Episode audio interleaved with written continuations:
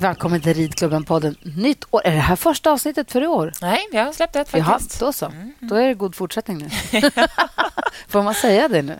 Jo, julen skulle väl ut i lördags. Just det. Ja, Då, I talande stund i alla fall. exakt. Tomten här utanför stallet, han har frusit fast, så han får bo kvar ett tag till. Idag kommer du som lyssnar på Ridklubben-podden få träffa en sån otroligt inspirerande tjej som heter Jessica som vi träffade i höstas. Berätta vad hon... Vi kan berätta redan nu vad det är för någon. Ja, exakt. Jessica hon köpte en travare som hon har omskolat till ridhäst. Så hon har ridit eh, ja, medelsvår dressyr på den. Och hon var med och hade uppvisning i Elmia med den i höstas. Då. Och Det var så himla fint att få, och just få se en häst som får... liksom en... Om den har den är klar, den har gjort sitt i travvärlden. Ja. Att den kan, det behöver inte betyda att hästen är klar med sitt existensberättigande utan den kan hitta ett nytt, en ny uppgift i livet. Exakt. och där har jag tänkt så, Man blev ju väldigt inspirerad av henne. Ja. Och där har jag också tänkt att det skulle vara så kul att göra ett projekt på ridskolan. Att man köper in en eller två travare Ja. och ser om man kan skola om dem till eh, ridskolehästar. Ja. Kul ju! Jättekul. Och hon var supertrevlig och superrolig att prata med. Så Ja. det ska ni få höra idag. Ja.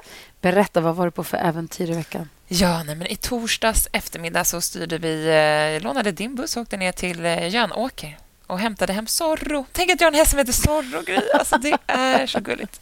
Så det är Therese och jag, eh, hon som äger Kaliber, Mm. eh, som har köpt ett eh, föl. Så han är född i maj. Så skulle vi köra honom till Mariefred, så han får bo med Kingston nu i några år och växa på sig lite. Men han är pytt, han är liten på riktigt. Jag vet, fast han är inte så liten. Det är som grejen. Alltså Kingston, som nu är tre år, han är liten. De är typ lika höga i marken. Ja. Det är också inte bra. För Kingston ska helst bli en stor häst. Just nu är han lite ponnymått. Liksom. Eh, nej, men så var du jättegullig och så snäll. Och du vet, tittade lite på lastbilen, men gick typ rakt in. Stod som ett ljus hela vägen till Mariefred. Oj. Och så lastade vi ut, gick in och fick han bo i en box över natten. Eh, och sen vart han ihopsläppt med sin kompis dagen efter. Och allt gått Var det läskigt då att köra bil med föl? Eh, nej, men läskigt. Vet jag. jag känner mig trött efter vi hade släppt av honom. Ja. började jag gäspa. så jag tror att man sitter och spänner sig och är lite ja. liksom, beredd. Fast nu gick det ju jättebra. Men det vet man ju liksom inte. Mm. Nej. Och man hinner ju tänka en miljon tankar. Att så här, Okej, vad gör jag om det där händer? Och vad gör jag om det där händer? Ja. Men å andra sidan, det värsta som kunde hända är ju typ att han lägger sig ner. Och då får han väl ligga där. ja, han är så liten så han kan väl komma upp då, tänker jag. Ja, gud ja. Vi hade gjort det, så det var ju som en stor box Ja. han åkte i. Så att, eh, han kan liksom inte fastna. Han har inga liksom, täcke eller skor. Han har ingenting. Så han, jag bara, det kan ju typ egentligen inte hända Nej. så mycket mer än att han far runt där inne och, och mår dåligt såklart. Ja. Men nu när jag, och han stod till och med åt lite emellanåt. Och då tänkte jag att han kan inte heller vara jättestressad. För att stressade hästar står ju sällan och äter om de Nej. är jätteupprörda. Liksom. Gud, vad härligt. Ja, vad spännande. Det roligt. Men så var det kolsvart när vi kom till Mariefred och Kingston var ute på lösdriften. Så jag bara kände så här, leta efter en svart häst i kolsvart mörker. Är han fortfarande svart? ja, men ganska svart Ja. faktiskt. Han är lite liksom...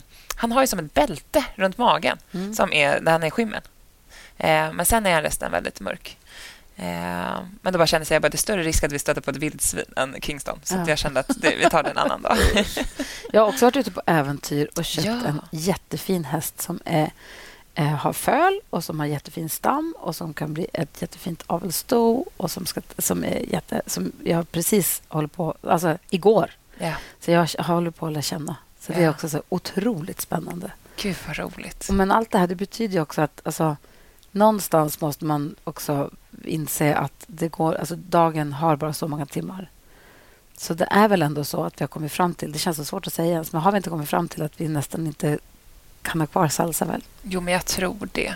För det är också Kingston ska ju komma hem här. Ja. När kommer han hem? Det vet, alltså han ska ju, det beror lite på. Ja. Men typ om ett år.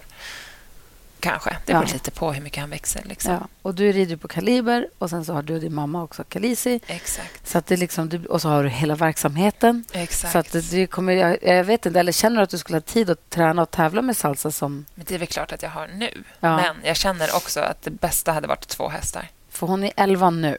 Ja, i För år. man skulle Ja. kunna vänta till nästa år, men de är ju... Alltså så här, ja, precis. Hon blir 11 nu i maj. Men du vet ju hur det kommer bli. Då Ja. kommer vi ju ha kvar henne och ha kvar henne och ha kvar henne. Och så bara, oj, vi tar ett föl på henne och så har vi kvar henne. Och så, Hon har också fin stam. ja, jag vet. Det är det fina med Så ston. hittar man ingen perfect match, då kanske man ändå har? tar ett Hiphop hiphop Camaro M. kan vara det. Så hittar man ingen perfect match till henne, då kanske vi betäcker henne i vår. Det är inte en dum idé. Så vi ser från och med nu fram till... När man betäcker man då? Ja, men- juni kanske? Nej, april börjar man nog ändå, Ja, okej. skulle jag göra. Ja, Eh, och kolla brunst och lite sånt. ja. Så är det någon som... Vi hittar någon som vi tycker om och som Salsa tycker om innan april. Då Ja. säljer vi henne. Annars... Kul att vi kom på det här nu. Men det är en bra plan. Det är en jättebra plan. Jättebra plan. Hon var ju så plan. fin nu på Sylvehoppningen.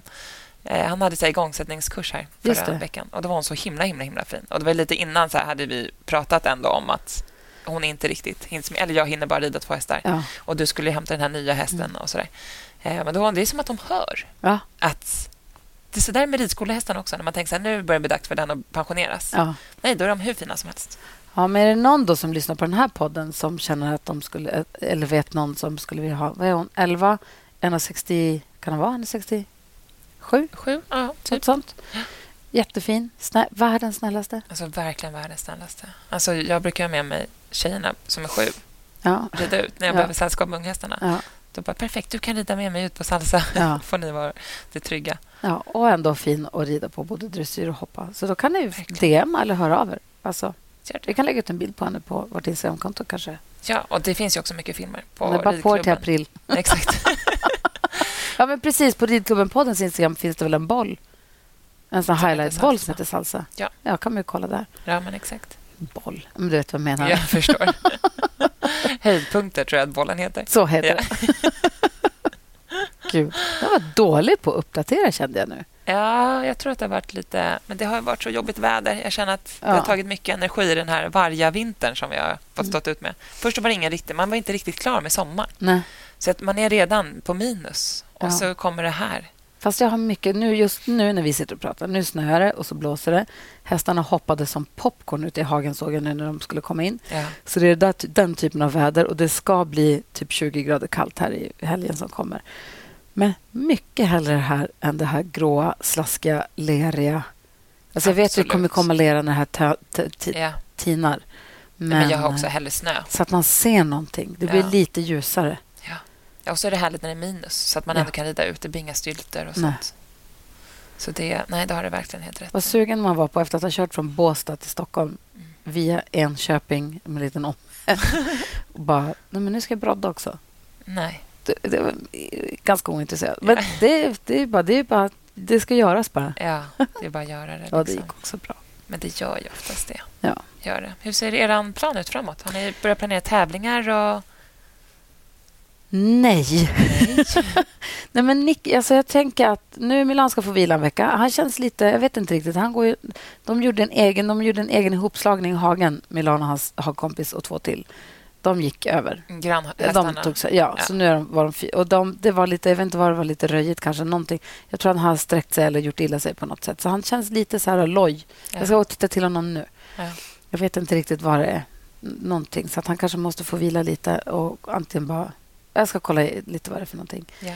Så att han ska få ta det lite lugnt. Men annars sen han, han var också jättefin på silverträningarna och det var alltså jätte, han är på ett dunderhumör Ja. i vanliga fall, förutom nu idag och då, igår.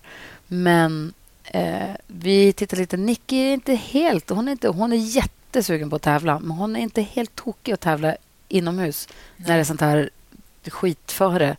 Alltså nu när man ska rida fram i något litet ridhus och så ska man gå utan broddar och så kanske det är halt och så är det... Alltså man blir lite mer picky med var man åker någonstans då. Ja. Gud, jag bara pratar som en stockholmare. Men alltså, Men då broddar ni också alltid av? när hon hopptävlar, ja. Ja. ja. Broddar ni också alltid av när ni rider i ridhuset? Nej, men om hon hoppar. Ja. Är inte du det? Nej. Nej. Jag Jag tror, du har sagt, jag tror att det är du som har sagt att man ska. Men alltså hoppar jag högt Ja. och svårt och mycket, då gör jag det. Men Ja. typ som nu när jag hoppar för Sylve, gjorde jag inte det. Nej. Ja, jag står där och Så ska jag hoppa en bana på 1,30 då skulle jag ju kanske brodda av. Ja. Men det gör jag ju inte. Nej. Jag hoppar ju något hinder på Ja. 1,30. Då gör jag Nej. inte det. Nej, jag- vi broddar av när hon hoppar. Men det tror jag för att du har sagt att vi ska. det. Sen beror det lite på. Alltså så här, jag tänker Sundbyholmsunderlaget som är liksom helt platt och lite hårt. Ja. Där det inte är så mycket glidmoment ändå. Ja. Där skulle jag inte rida med broddar. Nej. Men vi har ju lite mindre fibrer i vårt underlag så det är ju inte lika Det stumt. sjunker väl ner också. Liksom. Så jag tror att de... Nej, jag tror inte att det är någon jättefara. Jag kanske får skit för det här. Vi får se. Nej, men om man och tävlar så vet man att det kommer man dit och så lastar man ur.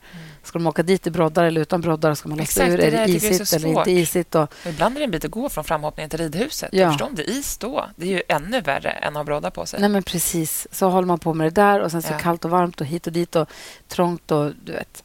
Så Kanske ska göra en story och fråga hur folk gör, om de broddar av eller ja, inte. faktiskt. Bara för att se hur, om jag är ensam. Men med det sagt, så om våren skulle vilja komma sen då Ja. kanske vi åker på någon inomhustävling. Annars tror jag att vi är mer pepp på utomhus. Ja.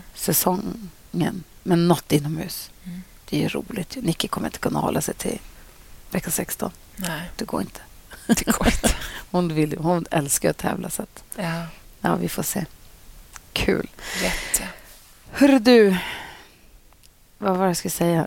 Jag ska gå ner och hälla i vatten i vattenhinkarna. Jag ska gå ner och rida. ja. Vad heter, men då så lyssnar vi på hur det lät när vi träffades. Låt oss inspireras nu. Ja, av. Jessica. Ja, verkligen.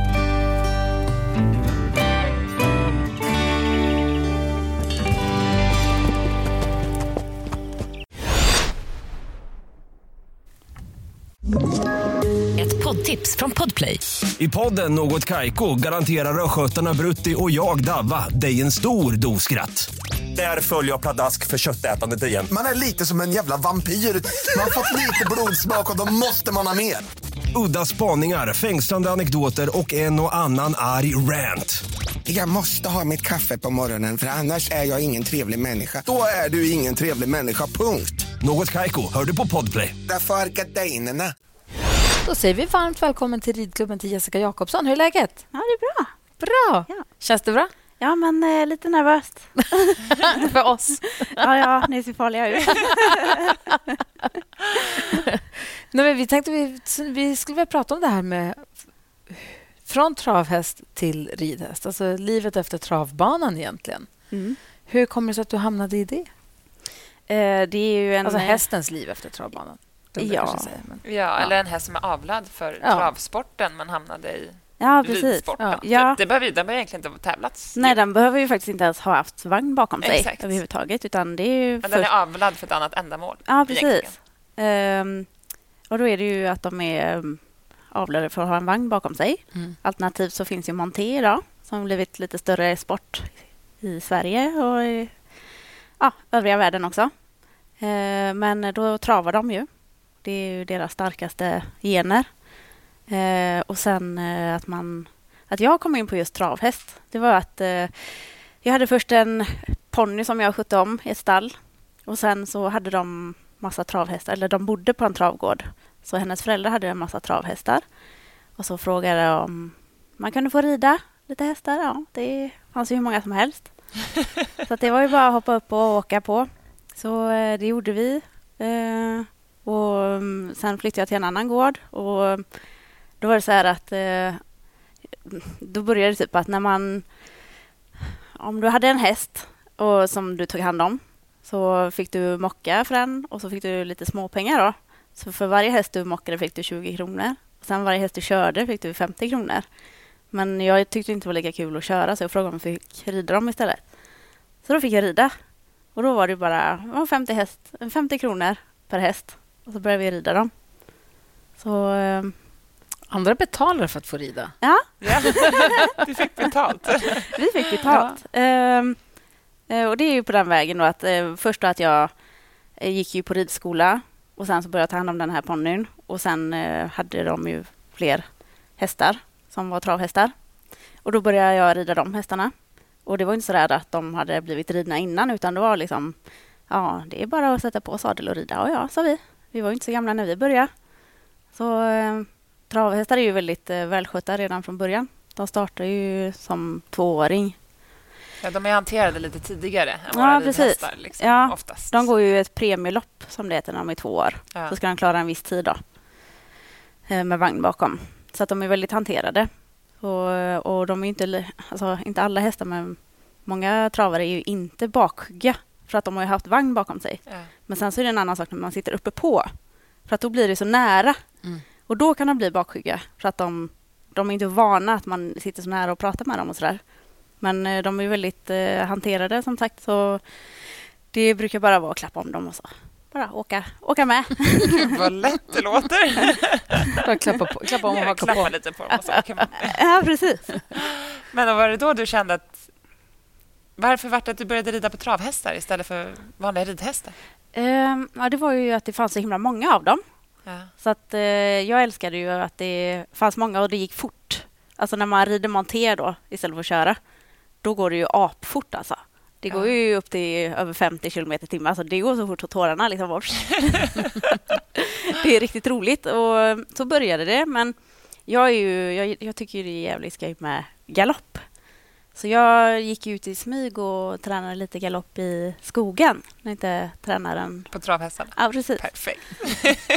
Men det fick jag absolut inte göra för det var ju så big no-no. Exakt. För de vill ju verkligen inte att de ska typ kunna Ga- galoppera. Nej, precis. liksom. För att de vill inte att de ska falla över i galopp. Men så hade eh, den här tränaren, han hade en massör ute, så sa hon det att du måste nog börja galoppera på den här för att han ska sätta andra muskler för att klara av trycket bakifrån. Och då var det bara nej, nej, nej, nej, nej. Och så tittade jag på men bara- vi kan väl bara prova lite. Men då hade jag ju redan gjort det för länge sedan.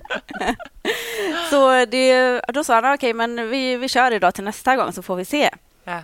Eh, till nästa lopp där då. Och då eh, så kom han fyra på det loppet. Mm, kul. Och då var det bara yes! Och han galopperade inte på banan. Nej, inte på banan. han nej, fattar precis. skillnaden. Yes. Det där känns ju som att det också är ju jättebra om man kan lära dem att vi kan galoppera om jag sitter på din rygg. Ja, precis. Men sitter jag i sulken bakom, då är det trav som gäller. Ja. Liksom. De, ja, men vissa hästar eh, tror jag är smarta för det där. Men Att du är inte tror- bara rider ju in och rider på och galopperar på travhästar. Du tävlar också dressyr på... Alltså du får ju travhästar att göra helt andra saker än vad de är gjord för. Ja, precis. Det där var ju i början på karriären av ridkarriären, där Ja. de är fullt ös medvetslös. Ja. Liksom. eh, nu har det blivit lite en annan nivå. Ja. Eh, På vilken nivå tävlar du dressyr på travhästar? medelsvår A har jag kommit upp till med en häst. Och är inte det att gå över ån efter vatten när det finns dressyrhästar? Jo. Så varför? Eh, det var inte tanken egentligen överhuvudtaget. Jag är en hoppryttare. Jaha, perfekt. Jag har hoppat i alla, alla dess tider. Jag Ja. har haft travare som jag har tävlat upp till 1,20 med. Alltså, inget konstigt med det. Men den här hästen, vi har nog tävlat upp till 95 kanske. Men varför hoppar du på travhästar? Det finns också hopphästar. Alltså, Ja. Varför gillar du hellre att hålla på med travhästar? Jag tror att det har med min eh, hjärna. Mm. Jag börjar ju med dem och de är så sjukt välhanteriga. Och att, de, alltså att man kan hantera dem och de, är, de vill så sjukt mycket. Jag har aldrig haft... Eh, De har säger- hög arbetsmoral. Liksom, ja, precis. Ja. Och sen, jag har aldrig haft råd att köpa en dyr, eh, vad ska man säga, halvblodshäst eller en annan rashäst som är avlad för det den ska göra. Eller så. Mm. Jag köpte mina hästar för ingenting, typ. Och så bygger de. Och så bygger jag upp dem från början. Eh, så eh, den här dressyrhästen som jag har haft, Lulu Face, eh, henne köpte jag för att eh, jag ville ha... Ja, det var, hon var häst nummer tre i travligan. Ehm, och, ehm, så jag var ju hoppryttare. Så att, eh, jag hade redan en hopphäst och så hade jag en unghäst som jag inte kunde tävla och då tänkte jag jag, jag köper en till. Så då kan jag tävla den med. Så jag började tävla med henne i hoppning. Men så märkte jag så jättestor skillnad på gångarterna på henne och de andra två travarna jag hade. Så tänkte jag, så här, men kanske ska jag prova att starta en dressyr, alltså bara för skojs skull. Jag menar, dressyr rider man ju varje dag, så det är liksom, okej, Ja. men jag provar väl då. Så första starten så rider jag lätt C-klass och det är ju den enklaste klassen typ. Så rider vi på 65 procent och kom tvåa Wow. mot andra hästar då Ja. andra framavlade hästar. Och då, då fick hon en liten blodad tand den här tävlingsmänniskan.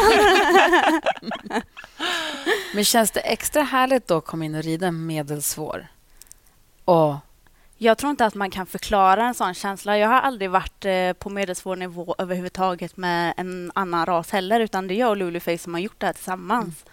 Så jag vet inte riktigt hur det känns att göra det på något annat vis. men jag bara tänker känslan att komma in och rida en medelsvår och göra det bra Ja, på en travhäst. ja det är fan mäktigt. Alltså man har en otroligt Ja. härlig... Alltså, Alltså, jag menar inte att man ska vara liksom uppkäftig mot folk, men lite så in your face-känsla. Alltså, vad jag så, menar? så har jag nog inte riktigt känt. utan Det jag kan mest tycka är så här... du får fan jobba lite. Ja. För det har Allt fan med jag gjort. ja. lite. Så när de bara, nej men den kan inte byta galopp. Nej men för fan, träna då. Ja.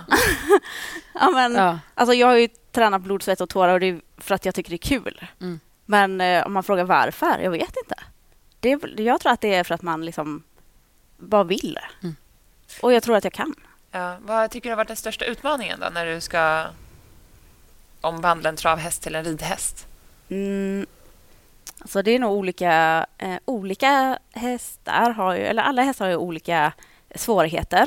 Vissa har ju lättare högervarv och vänstervarv, precis som vilka andra hästar som hästar helst. Liksom. Ja, men det är ju så. Ja. Eh, alltså det svåraste är ju att få dem liksom att slappna av och vad ska man säga, komma till ro nästan. Mm. För att de är ju ofta tävlingsnerviga. Alltså, hur ska man förklara det? Mm, att man... ehm, jag vet inte. Kan man Alltså, när jag ser en så här, travhäst framför mig då tänker jag att den är ganska lång Mm. i kroppen och långa gångarter. Alltså, förstår att den är liksom, kanske svårt för samling, tänker jag att en travhäst har. Mm. Och såklart svårt kanske för galopp. För att Mm. det är... Ja, precis. i- Den är jag tänker att den trav. inte har så mycket Exakt. ryggmuskler, men det kanske är fel av mig. Jag tänker mer att den har mycket bakbensmuskler för att kunna Påskjut, skjuta fram sig. Ja, påskjut, ja. ja. Eh, Det är det här med långa och korta muskler. Mm. exakt. Men jag Ja. tänker att så här, den här eh, bärrygg, den här vinkla bakbenen, sätta Ja. in under sig, samlande. Ja. Det tänker jag är svårt för dem. För Ja, att det är det ju. de aldrig riktigt tränar det, för att det är Nej. inte viktigt i deras gren. Liksom, Nej, precis. Och de, alltså när de travar så skjuter de ju sina höfter för att få plats med frambenen De emellan. svävar ju hela... Ja, liksom. men precis. Eh, så man måste liksom paketera ihop, men det måste man ju göra Och de med går alla bredare hästar, med bakbenen? Eller? Ja, precis. De Aha. breddar ju bakbenen. Ja. Så när man rider Montero så alltså man känner verkligen det för man travar och så sänks han typ ner och så pju, som ett skott. Ja. Det är Jag så häftigt alltså. Det lyser i ögonen. Ja, men det är riktigt häftigt alltså. Borde få upplevas. Jag vet inte. Det är risk för livet. Men går de inte alltid i vänstervarv också på travbanan? Det finns ju faktiskt en travbana tror jag någonstans som går i högervarv. Okej, nu men det är, ju, det är samma sak som att säga att de går alltid i vänstervarv. Typ. Men det finns... Och hur påverkar det då? Hur eh, de är sen när man börjar rida dem? Ja, det påverkar faktiskt ganska mycket, men samtidigt inte... Alltså, det är fortfarande det här med höger-vänsterhänt. Mm. Det är väl klart att eh, har du gått i vänstervarv hela ditt liv så är du ju typ förlamad av muskler i högervarv. Mm. Men sen beror ju allting på hur man tränar hemma. Alltså, bara för att du springer eh, de här metrarna på travbanan i höga hastigheten betyder inte det att du gör det hemma varje dag. Så att man kan, de kan ju vara bäggsidor, eller vad heter det? Liksidan Ah, tack. Ja. Eh, även fast de springer rätt varv. Men självklart så är det ganska stor skillnad på många hästar. Mm. Eh, att de hänger väldigt mycket på den sidan och nästan inte ens kan svänga alltså, halsen liksom, till andra Får sidan. den liksom att ställa sig till höger och gå Ja, för höger det kan skänkel? vara... Fattar inte. Så Nej, du vet, de du kan känns gå ju in... väldigt plankiga. Alltså att de är väldigt Jätteraka, och raka. vänster. liksom. Jätteraka är de. Ja. Ja. Så får de liksom att gå en cirkel i andra 10 hållet meters volt De går ju med huvudet ut. svårt. utåt alltid. Nästan alltid i början. Så, här, så när du rider på en kvadrat så springer de ju med huvudet utåt här och bogen Ja. inåt. Ja, exakt. Så som dressyrryttare helst gärna inte vill se att det ska se ut. Nej, men precis. Och medelsvår A, det är ändå lite, det är lite svåra rörelser. Ja, det jag är har det. inte kommit upp dit själv. Man behöver inte komma dit för att tycka det är kul. Nej, men jag tycker också det är kul med dressyr. Vi har inte kommit så svårt. Men då är det skänkelvikning. Är det galoppombyten? Ja. Eh, Det är förvänd galopp. Och, Alltså, eller wow, vänta, känner jag förvänd bara. galopp är det nog i med så C. Eh, Det är ju Alltså här- rörelserna gör du ju. Du borde inte ha tävlat där. Jo, men Ja. jag tycker att det är svårt. Ja, ja. Och då kan jag tänka mig... Alltså, om jag tycker galoppombyten är svårt på min hopphäst Mm. då kan jag tänka mig att det är... Det kräver lite jävlar en amma Mm. att lära sin travare. Alltså du vet när jag gick från medelsvår C till medelsvår B. Jag och min kompis vi brukar skratta som tusan. För jag hade en uppvisning nere i Falsterbo. Och då så sa hon det bara, jag kommer ihåg du tragglade det där flygande bytet. Alltså du tragglade och bara, ah, ibland satte du fram och inte bak och ibland bak och inte fram. Och så är det Ja. så här att det blir korsgalopp och hej och hå. Ja, Och så nu bara, kan du göra byten på vartannat på henne? Det är så sjukt. Jag får häftigt. typ Att på man liksom bara, tritt, tritt, tritt, att det går dansande lätt. Ja. Och, men jag tror att man glömmer av faktiskt den här själva, när man är i, när det är som svårast, att man glömmer att titta tillbaka till hur mycket man faktiskt har jobbat för det. Ja. Utan, för nu går det ju lätt när vi har gått igenom den här raka nedförsbacken. Som alla också Eller, gör. liksom, eller ja, så här, eller det- uppförsbacke kanske det heter. Ja. Men den hästen har du ju sålt. Mm. Men vad har du nu? Nu har jag en eh, femåring som är eh, mamma travare och pappa hopphäst. Den var också tanken att det skulle bli min hopphäst. Ehm, han ha- har haft lite eh, problem hela hans fyra år. Han har skadat sig, han fick spark och lite sådär. Han gick in i ett träd och fick en gren i benet. Och, Ja, men sådär, ung häst. jag vet inte. Eh, så han har stått ganska mycket. Eh, så han börjar att bygga upp i dressyr. Så visar det sig att han har ju faktiskt lite gångarter. Och den här lilla dressyrnörden som har kommit fram i mig, som jag inte visste trodde fanns, den bara, men vi kanske ska prova att starta lite. Så detta året har vi gjort fyra starter. Vi har fått två placeringar och förra söndagen så vann vi på 68 procent i lätt B. Wow! Ja, men jag blev så här, herregud, min lilla häst. Han har ändå fött upp själv. Vi Ja. bar in honom ifrån hagen när han föddes ute och sådär. Man bara, tänk vad liten han var och så stor. Ja. Ja, Men Det måste också vara en härlig känsla att göra det på sin egen uppfödning. ja men man jag tror inte man kan allt. be, beskriva den känslan. Nej. Det är Ja, det, var ju, det är min första Du uppfödning. har känt ja, honom precis. hela hans liv. Ja. ja, det är ju dock bara fem, men Jo, jo. Men ändå. ja. Och så har jag en, eh, en annan eh, ettåring. Hennes mamma är travhäst också. Hon är skimmeltravare. Finns det? Finns. Får man Mm. vara det? Jag hade en skimmeltravare eh, som tyvärr gick bort framför ögonen på mig. Hon fick någon nerv, eh, nervsystemsfel, så hon eh, kunde inte gå. Fy vad hemskt. Hon var vinglig och jag bara shit, det är något jättekonstigt med henne. Ja. Så jag ringde ut veterinären och de bara det kommer bli jobbigt när hon lägger sig ner för hon kommer antagligen inte kunna resa sig upp. Så det fanns ju tyvärr bara en utväg. Eh, men den hästens mamma är skimmel. Så jag valde att ta... Jag fick låna den här mamman för att ta föl på.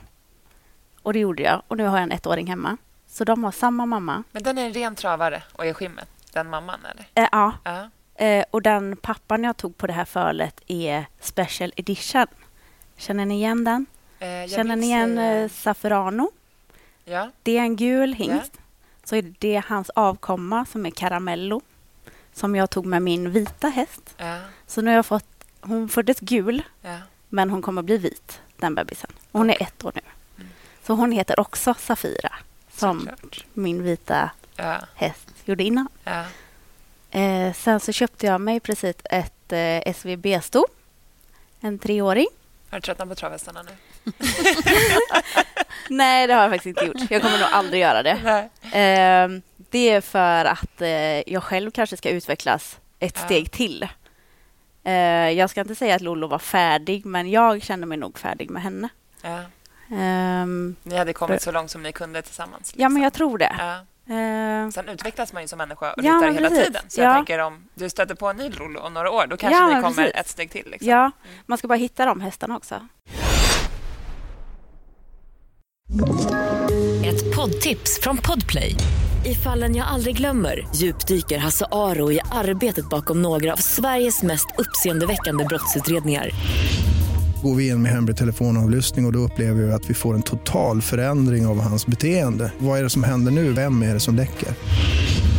Och så säger han att jag är kriminell, jag har varit kriminell i hela mitt liv men att mörda ett barn, där går min gräns. Nya säsongen av Fallen jag aldrig glömmer på Podplay. Jag tänker att emellan, emellan jag hittar den här hästen nu så har jag köpt mig ett SVB, Ja. eh, en treåring, som eh, jag kallar för Katapulten. Aj då. Ungefär. eh, nej, men eh, jag har flugit av Ja. och jag har flugit av och jag har flugit av. Och den grannen som jag lånar paddocken av, han är en äldre man. Han kom ut till mig och sa Jävlar vad du flög! ja, det gjorde jag. Eh, det, jag har aldrig haft på mig en säkerhetsväst innan, men jag har köpt mig en nu. Om man Och nu saknar du travhästarna igen. Eh, jag saknar min Lollo. Han var väldigt käck ändå. Nej, men vi satt precis och käkade lunch för ett litet tag sedan med några stycken som jobbar för ATG. Eh, som ju håller på med trav. Nej, och då satt vi pratade just om hur travhästarna är i psyket. Mm. Att de är så himla... Det som du var inne på också, att de är så hanterade så tidigt och att de är hanterade så mycket. De har varit i alla miljöer. Att de är kanske inte alls lika nerviga som. SVB-hästar då, tydligen Eh, jag har ett väldigt prax exempel hemma just nu. Men är det det, som är, är det det som är signifikativt för travhästar? skulle jag säga? Sen skulle jag säga att eh, det är inte bara... Alltså det finns ju de här som är tittiga och håller på sådär också, Mm. travhästar. Men jag skulle säga nog att 99,9 procent inte är det. Av de jag har träffat. Jag har träffat ett antal hästar. Eh, men de är så... De hittar liksom... Jaha, det här ska vi göra nu. Så att de liksom går med på allting. Och gör de inte det så går jag före så kommer de efter. Mm. Eller så gör de så att de kastar hjärtat först, först och kommer efter sitt hjärta. Liksom. Mm. Så att de är... Det skulle ju inte den andra göra hemma, tror jag. Får nog klappa med ett stund ett sto. Men eh, vad, tror, vad är nyckeln då för att lyckas få en travhäst att bli en ridhäst? Tror jag, kan alla göra det? liksom? Mm, det tror jag. Eh, man behöver ju ha lite hjärna och vilja. Och att man får absolut inte ge upp. Eh, jag tror att många som tänker så här, "Nej, ja, jag fixar inte det här, skit i det. För att det, Ja. man får inte resultat så tillräckligt snabbt? Ja, men varför? precis. Att man liksom, ja, jag ska kunna det här imorgon. Ja.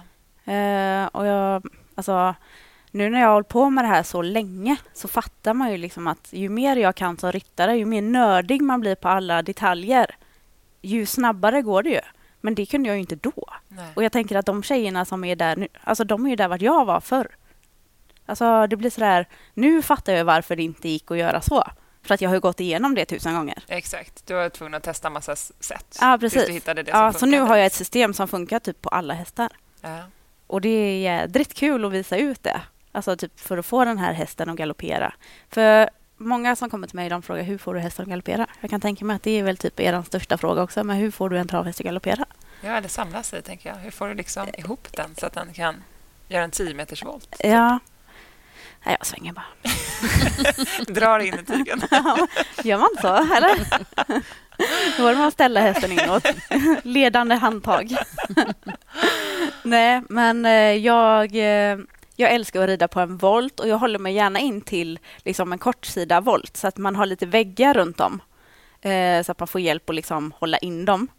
Eh, Mer med hjälp av väggen då än Ja, precis. tygen. Liksom. Ja, precis. För att eh, när man är på öppen volt så det känns som att då dras det liksom iväg och blir, blir större och större och större. Och med väggarna har du lite hjälp att liksom samla ihop Ja. den här nybörjarhästen som ska samlas ihop.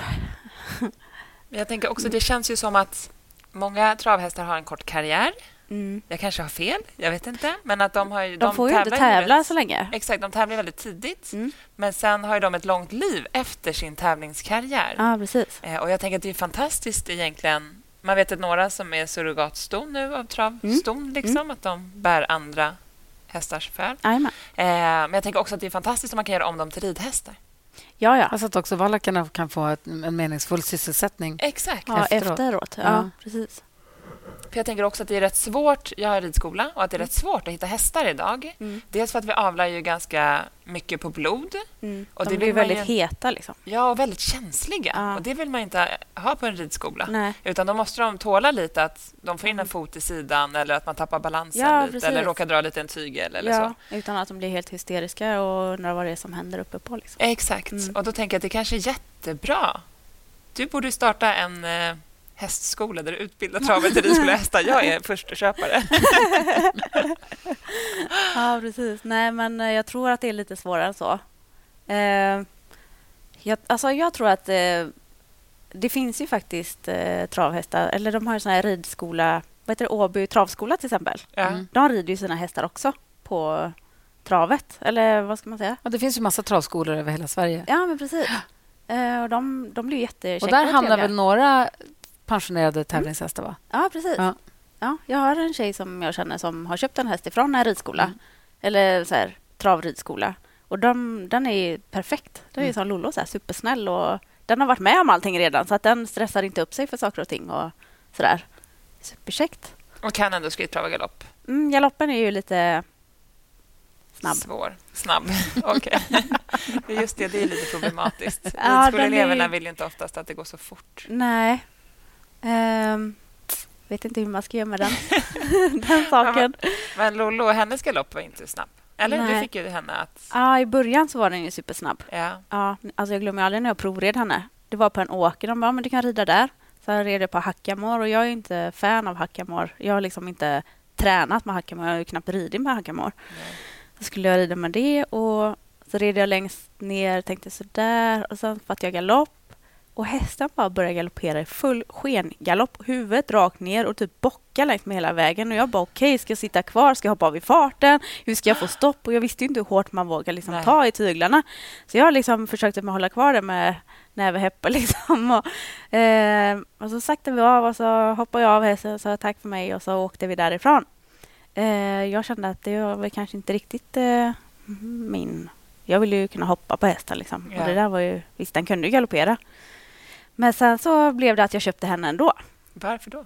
Eh, hennes ägare tyckte att jag red henne så bra. Och då tänkte jag, okej, okay, men vill inte jag henne så kan jag ju sälja henne sen då. Alltså, jag köpte henne ju för inte så mycket pengar. Så det var liksom, okej. Okay. Jag gör så gott jag kan ja. med henne. Och ja, men precis. Så... så... får vi se. Ja. Men hon blir kvar. hon blir kvar. Det var rätt bra. ja. hon blir kvar. Eh, hon, eh, hon hade väldigt lätt för att samla sig. Det är inte vanligt. Jobbade du henne någonting från marken? Liksom tömkörde eller longerade? Alltså, Nej, Nej, alltså jag gör det när jag hoppar upp. Ja. Jag hoppar upp och så får vi se. Ja. Jag var mycket häftigare förut, men nu är jag inte lika cool längre. Eh, Nej, men jag undrar också det som du är inne på. Hur tränar man dem att sätta under sig? Hur tränar, om de är vana att gå rak och bara påskjut. Alltså, mm. Helt plötsligt du ska bygga om en hel häst. Ja. Travar man över bommar, eller hur? Jag försöker hålla mig... Jag har ett system som jag gör. Sen gör alla såklart helt olika, men det är så som jag har kommit fram till att mitt system funkar. Jag försöker hålla dem på en volt. Eh, när de blir stressade och typ kanske kör upp huvudet eller får den här travtraven som går skitfort, då försöker jag bara göra volten mindre och mindre och mindre. Till slut orkar inte hästen att trava för att det blir svårt för dem eftersom de är så långa och hej och hå. Mm. Så att ju mindre volt du gör, ju saktare kommer det gå. Och på den vägen är det att du jobbar först på stor volt. Sen när de blir snabba eller starka så styr jag in dem så att det blir mindre och mindre volt. Och sen går jag ut igen på den stora så att jag till slut får hästen att förstå att vi ska ha lugn trav på det här. Eh, och då har jag jobbat som de flesta dressyrryttarna gör. Att man eh, håller yttertygel, att man skänklar minner och håller kvar ytter. Och, alltså det här med att ha dem på en volt, att du är stadig på yttersidan så att den inte flyger iväg. Som absolut 99 procent av alla hästar gör för att slippa. Eh, travhästar tycker ju att det är ännu jobbigare för att de inte är byggda alls på det här viset. Så att när vi kommer på öppna delen är det absolut viktigt att liksom hålla kvar allting. Eh, eftersom de här hästarna vill gärna böja huvudet åt fel håll för att de det är ju deras starka liksom. sida. Liksom. Ja, ja. För att de är också raka. De ja, precis. De går ju... I början när man rider de här travhästarna som kommer från travet direkt så känner man nästan, du vet när de går, att de liksom Eh, Saxar. Ja, men precis. Att de inte böjer sig, utan det känns Nej. som att de fortfarande har vagnen på sig när de svänger. Ja, precis som man vänder med vagn. Ja, precis. Att de är väldigt jätteraka. Ja. Eh, men eh, alltså, vissa hästar är ju, går snabbare att lära och vissa tar lite längre tid. Jag brukar jämföra det med att det är män ungefär. De funkar samma. Man får köta ett tag och så kanske det går ner någon gång sen. Ja, men så vad, då, vad tar vi med oss då? Man får bara inte ge, man får jobba lite hårdare hela tiden. Ja, jag tror man, det är så viktigt att ha viljan. Mm. Alltså vill man inte kämpa, Nej, alltså, då är det ingen idé att man ens försöker. Men jag tänker så här. Um, vill du man får nästan göra klart för sig också. Vill jag ha en skogshäst eller vill jag börja träna? Eller liksom, vad vill jag göra? Så att man inte är hipp som happson. Nej. Alltså att man, mm. att man ändå har ett mål eh, för sin ridning. Det spelar ingen roll om du vill ha ett mål för att rida ut i skogen för det kan ju stöta på samma saker där. Att, du, att hästen blir superstressad och att du inte får stopp på den istället. Så då är det jätteviktigt att man har gjort alla grunder. Precis, man vill ju kunna bromsa i skogen också. Ja, men, ja, men precis. Gärna. Gärna. Styr in i ett träd bara. wow. jag bara tänker, jag ser den här åken full sken hem med... Alltså jag ser Rocky, den där ja. han gjorde. Det ser jag framför mig. Han capriolade med ja, huvudet mellan frambenen hela ja. vägen. Så det är gulligt. Uh, ja, men man, ska inte, man måste ju kämpa lite extra. Liksom. Och veta vad det är man vill nå. Ja.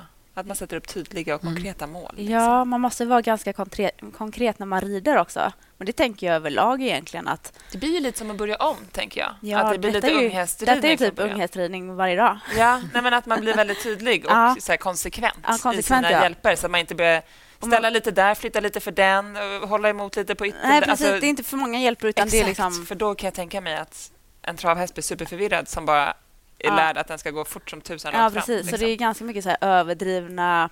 Vi ska höger, så du Exakt. leder med hela handen. Så att du inte bara tar lite grann, utan ta ut armen ifrån kroppen och liksom, vi ska svänga här så att man verkligen överdriver de här... Som man gör med unghästarna. Ja, typ. men, ja.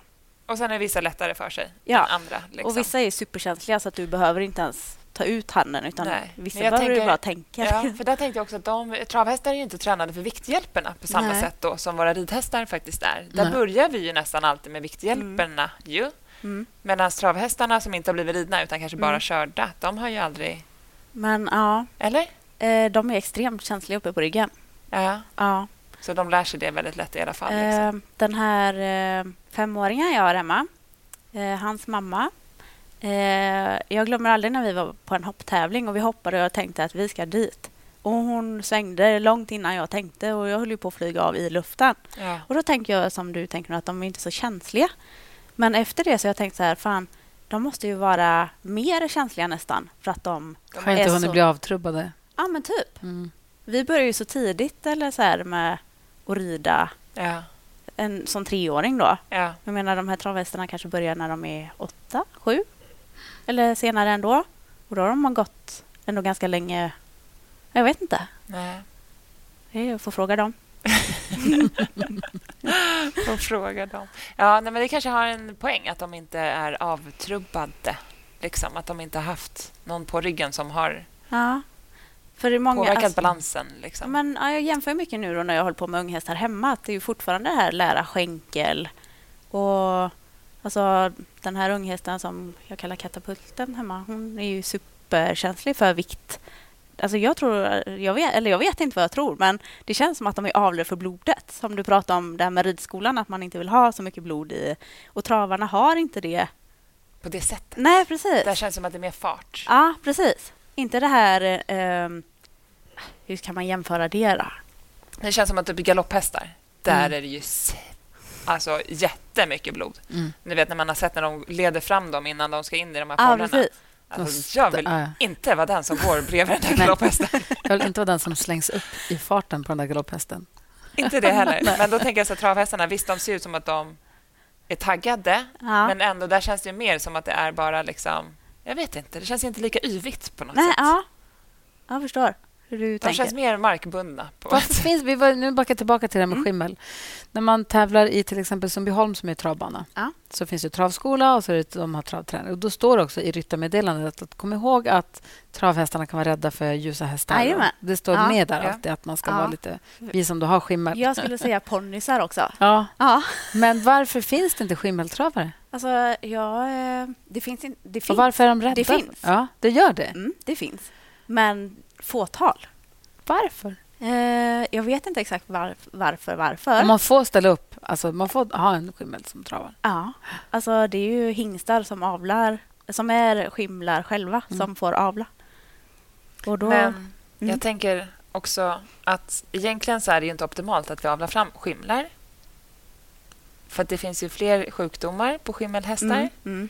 Eh, har travet tänkt på det? Att de så här, väljer bort skimlar för att... Jag vet faktiskt inte. Jag kommer ihåg en gång när jag var på travet med en av de här gubbarna jag var med.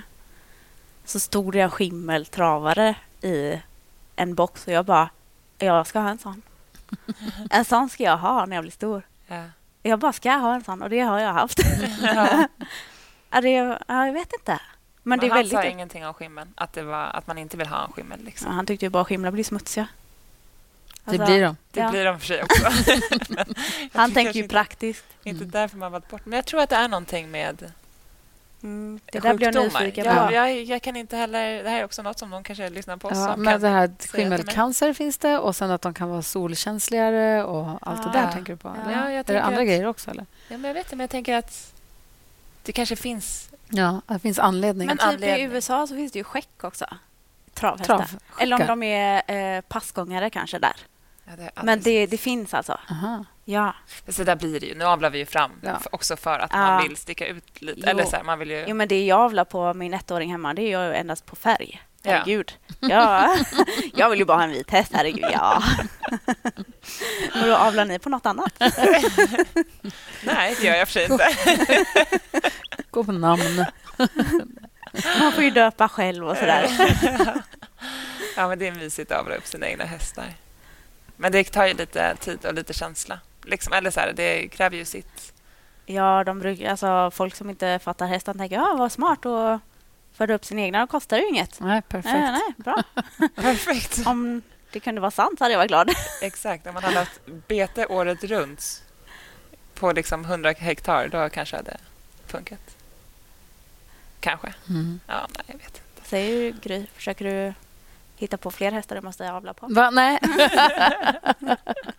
Nej, men jag tänkte just på det där att det alltså om det är så att man om man drömmer om att ha en egen häst men inte har råd att köpa en, ett svenskt varmblod då, Mm. eller om man inte riktigt har tid eller fast det tar lika mycket tid i och för sig, men inte kunskapen att ha en ung häst. Mm. Alternativet är en ung häst då, eller kanske då Mm. man, många kanske skulle öppna upp sig för alternativet att, rida, att ha en, tra, en travare egentligen. Mm. En inriden travare då. Jo, Vad det, ger en tid då? det finns ju faktiskt... Eh, jag är ju lite... Jag vet inte om alla hästmänniskor hänger på hästnät. Och alla de här... Det tror jag att du 99 gör. procent tror jag att du Även gör fast man redan har hästar hemma så är det alltid kul att kolla vad alla andra inte vill ha. Eh, och jag har faktiskt sett att det säljs väldigt fina travhästar till mindre pris. Mm. Eh, Fast mycket mer pris mot vad det har varit. För travhästar har ju varit väldigt eh, långt ner i den här eh, djungeln. Mm. För att eh, det finns så många av dem. Eh, men eh, att eh, jag tycker det är kul att travhästar har kommit upp lite i värde. Även fast det är väldigt... Alltså om man jämför det med ett halvblodshäst så är de ju fortfarande superbilliga. Ja, och jag kan tänka mig att det kanske är ett bra alternativ om man inte är så kunnig själv. Ja, och att de är lite menar. stabila i psyket. Ja. Liksom, Så är det kanske inte helt dumt. Då Nej, kanske de precis. inte behöver ha de här wow gångarterna nej, eller hoppa högt. Liksom. Nej. Utan då räcker det som de ändå kan och att man Mm. kan lära sig väldigt mycket. Jag tycker hoppa 1,20 och rida medelsvår, det låter ju ganska...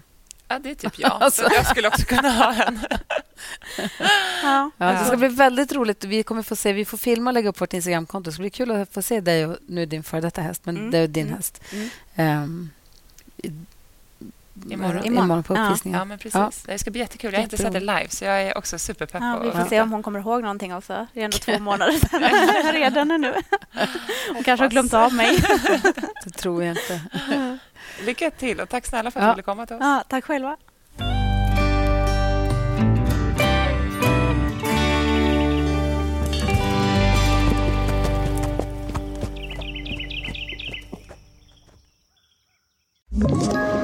Ett poddtips från Podplay.